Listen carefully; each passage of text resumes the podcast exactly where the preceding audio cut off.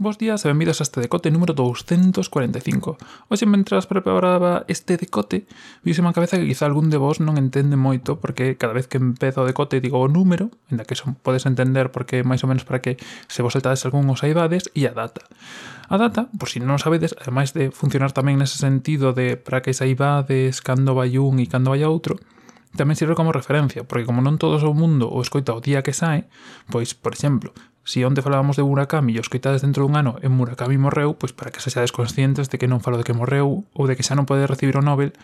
por ese mesmo motivo. Pero bueno, falando de tecnoloxía pasa moito máis a miúdo, de que saen novas, de rumores, de cousas, e ter a data ao principio, pois sempre está ben. Que por certo, hoxe é día 22 de febreiro do 2018. E tocarnos falar de series, así que empezamos.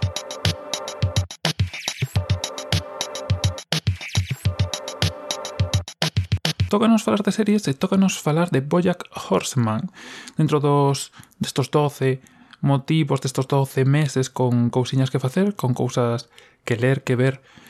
eh, que disfrutar en xeral, en da que disfrutar en galego non exista, e que gozar,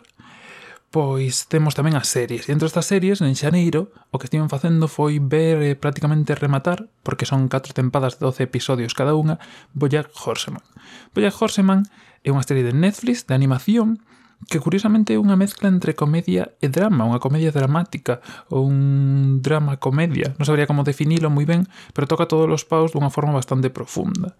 É curioso como, mentras que onte vos decía que pois nos libros de fantasía pois sempre hai un tempo no que tes que chegar a contactar co que che está contando o autor ou con, bueno, co que está ocorrendo, coas personaxes, con todo o que funciona dentro desa novela, desa fantasía, un pouco pasa o mesmo con esta serie.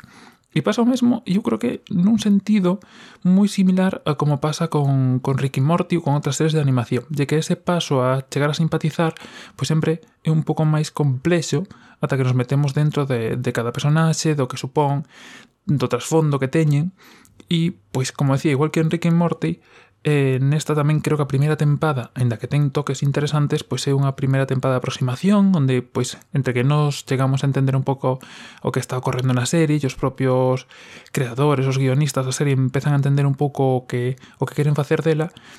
pois non acada todo o seu potencial. Por eso que se si empezades, como sempre, Si vos mola esta serie ou se queredes empezar a vela, non lle teñades moi en conta, entre comillas, evidentemente, se non vos gusta e os aborrece, pois si, sí, pasade dela, pero non lle teñades moi en conta para, para valorar o conxunto da serie en sí. Falando da serie, como os decía, van 4 temporadas de 12 episodios cada unha, ainda que a primeira ten un especial.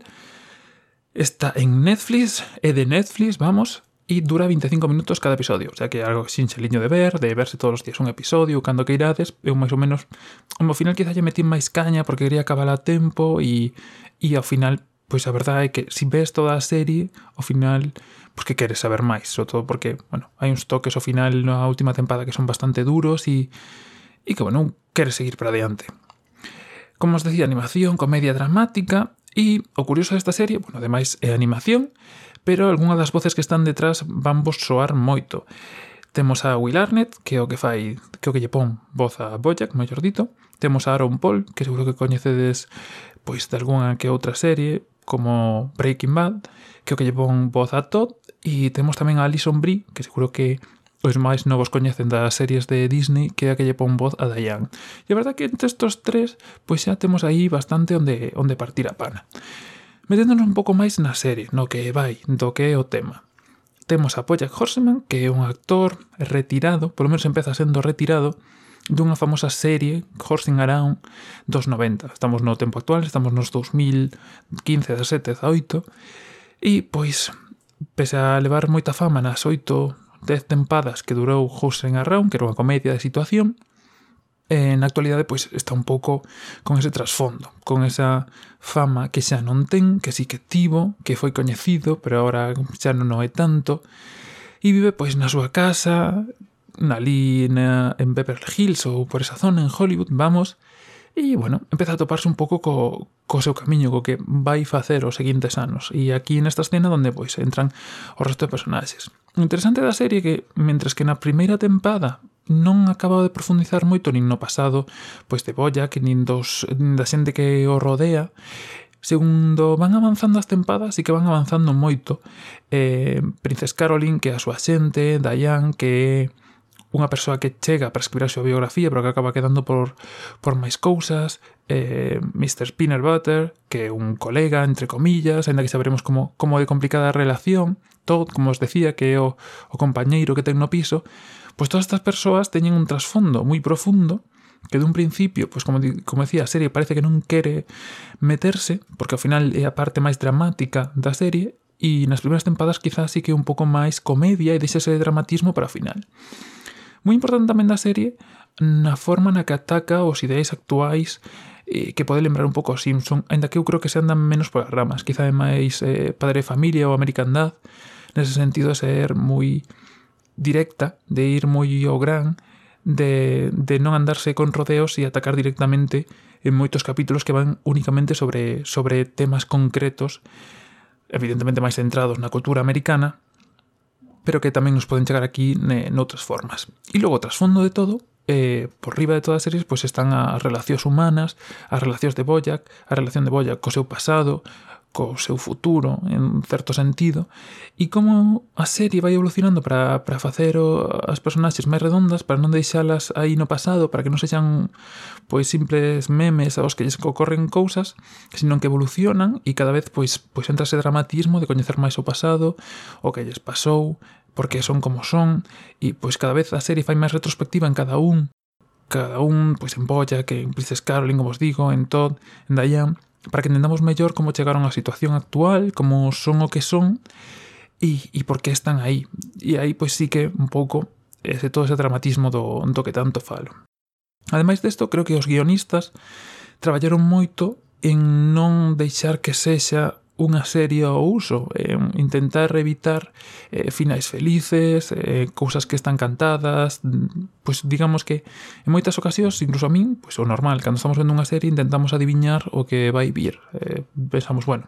estos dous acaban xuntos, ou se si isto así, isto vai ser un final feliz, ou eu que sei, que son é unha estrella retirada, seguro que ten moitísimas cousas que non están contando, pero que están aí. E traballan para que para que non sexa así, para que todo teña un sentido máis aló do que nos pode parecer obvio, e E realmente os episodios finais, sobre, sobre todo da última tempada, os 4 ou 5 últimos episodios son episodios duros, pero que cando levas, pois eso, toda a bagaxe de ir coñecendo o que o que lle vai pasando a cada un deles durante tres tempadas, tres tempadas e media, xa cara, cada ten os seus episodios, pois é eh, un choque impresionante do, do que está ocorrendo, e, e de como ti interpretas todo o que está ocorrendo e empeza a darte máis contexto en xeral. Ademais desto, pois que se non parece que todo o dramatismo, os toques de humor están aí, son tocos de humor xeniais, pequenos guiños, pequenas cousas que, que fan a serie pois tremenda, sobre todo porque digamos que a serie traballa sobre si sí mesma e, e sempre está creando novos conceptos e, e novas historias, pero todo eso con ese trasfondo dramático, máis que dramático diría realista en moitos casos de que o, do que pode ser a, a sociedade hollywoodiense ou do que poden ser as estrelas ou o ser humano en xeral, tampouco hai que, hai que tirarse a, a grandes fondos. E en final, eso, foi unha serie que me gustou bastante, eh, me tira bastante o tirón, pode haber episodios que, como digo, polo dramatismo, por cousas máis tristes se nos, se nos encaixen máis e, bueno, nos custe máis avanzar, pero por xerar unha serie mega recomendable que tedes aí en Netflix, así que se tedes Netflix non hai razón para non darlle, e eso, episodios cortiños e, bueno, algo máis interesante. Gusta moito isto porque últimamente a animación está tirando bastante para diante, como te dicía con Ricky Morty, con isto, con, con cousas máis reais, non animación para nenos, sino cousas que pese a ser animación, pois nos chegan máis a nós. E por último, evidentemente, como decía ao principio, os actores, os actores de dobraxe son coñecidos, eu recomendaría moito escoitala en inglés subtitulado. Si vos costa, pois pasado castelán, pero bueno, a miña recomendación como casi sempre é tirar por aí porque eu creo que, que se valora moito máis. E nada máis por hoxe, está a, meu, a miña segunda recomendación de xaneiro, o meu segundo tic de feito. E nada, volveremos mañá co... Mañá non sei que nos toca, non sei se si películas ou videoxogos, pero bueno, verémolo. Nada máis por hoxe, como sempre, enlaces a todo. Sabedes que eu sigo series en TV Showtime, tedes o meu enlace, o meu perfil na descripción tamén pois a propia serie en TV Showtime, por si queredes ver un pouco de vaya, que vaya cousas, valoracións, o que di a xente. Y nada máis, en eh, podcast.algue.net notas deste episodio e todos os enlaces e vémonos de novo, ou escoitámonos, mellor dito, maña. Un saúdo e ata mañá.